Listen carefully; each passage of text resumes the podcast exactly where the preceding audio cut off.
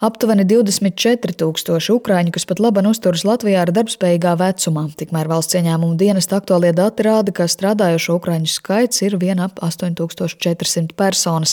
Ukraiņas civiliedzīvotājiem joprojām netrūkst izaicinājumu mūsu darba tirgu, kā arī daļa strādā attālināti citās valstīs.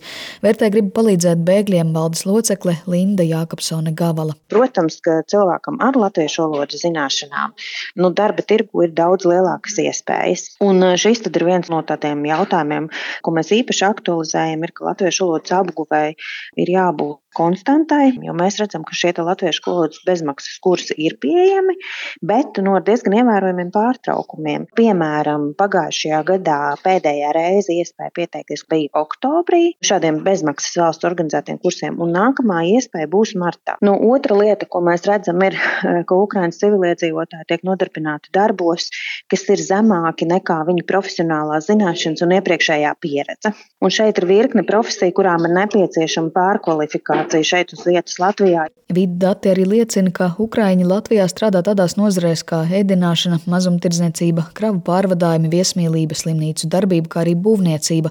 Pieprasītākās specialitātes ir strādnieks, pavārs vai tā palīgs, pārdevējs un apkopējs.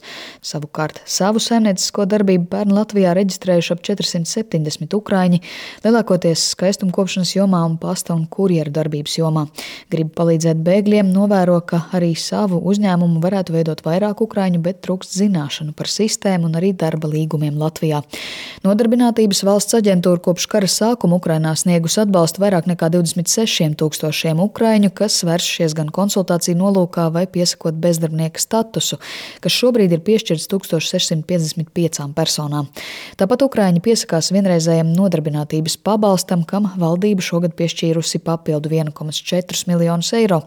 NVA pārstāve Vineta Leončika gan norāda, ka pērn klientu skaits no Ukrainas pakāpeniski samazinājies arī šie klienti, kas piesakās šim vienreizējam pabalstam, arī šis skaits ir būtiski samazinājies. Decembrī šādu iesniegumu skaitu aģentūra saņēma no 176 klientiem, bet, ja atceramies 22. gada aprīli un māju, nu, tad tur mēs saņēmām vairāk kā 2000 iesniegumus mēnesī. Tā kā pabalsts ir piesaistīts minimālajai algai, arī ar šī gada janvāra šis pabalsta apmērs auga līdz 700 eiro, un, protams, pakalpojumu plānots turpināt pavisam pavisam noteikti vēl visu šo gadu. Tā pabalsta mērķis kā sniegt finansiālu atbalstu līdz pirmajai algai, iespējams, darbu uzsākšana ir, ir laikā, kad vēl aktīvi ir jāmeklē varbūt dzīves vieta vai lielāki transporta izdevumi tieši darba attiecību sākuma posmā. Rīgas atbalsta centra Ukrainas iedzīvotājiem vadītājs Pēteris Grūbi stāsta, ka mainot centra telpas iepriekš iesāktās darba biržas Ukraiņiem kopš septembra ir pārtrauktas un tās plānotas atsākt martā.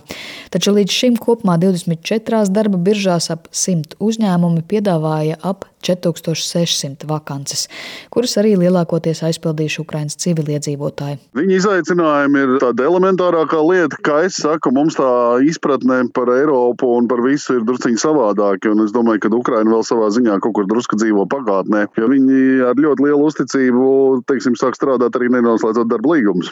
Cik mēs te dzirdam arī no mūsu juristiem, kas sniedz konsultācijas kaut kādas un tādas lietas, nu, ļoti bieži ir tā problēma, ka man neizmaksāja algu, bet pats darbinieks nav nemaz noslēdzis darba līgumu. Līdz ar to ļoti maz ko var darīt un palīdzēt. Tas skaidrojošais darbs ir, ir liels. Visas šīs sociālo-ekonomiskās iekļaušanas mācības, nu, kur mēs skaidrojam, ka pie mums tas ir daudz savādāk, daudz striktāk un drusku arī mācām cilvēkus sev pasargāt. Iekšlietu ministrijas dati liecina, ka Latvijas pašvaldībās šobrīd kopumā reģistrēta ap 32 tūkstoši Ukrainas civiliedzīvotāju. Sinti Ambote, Latvijas radio.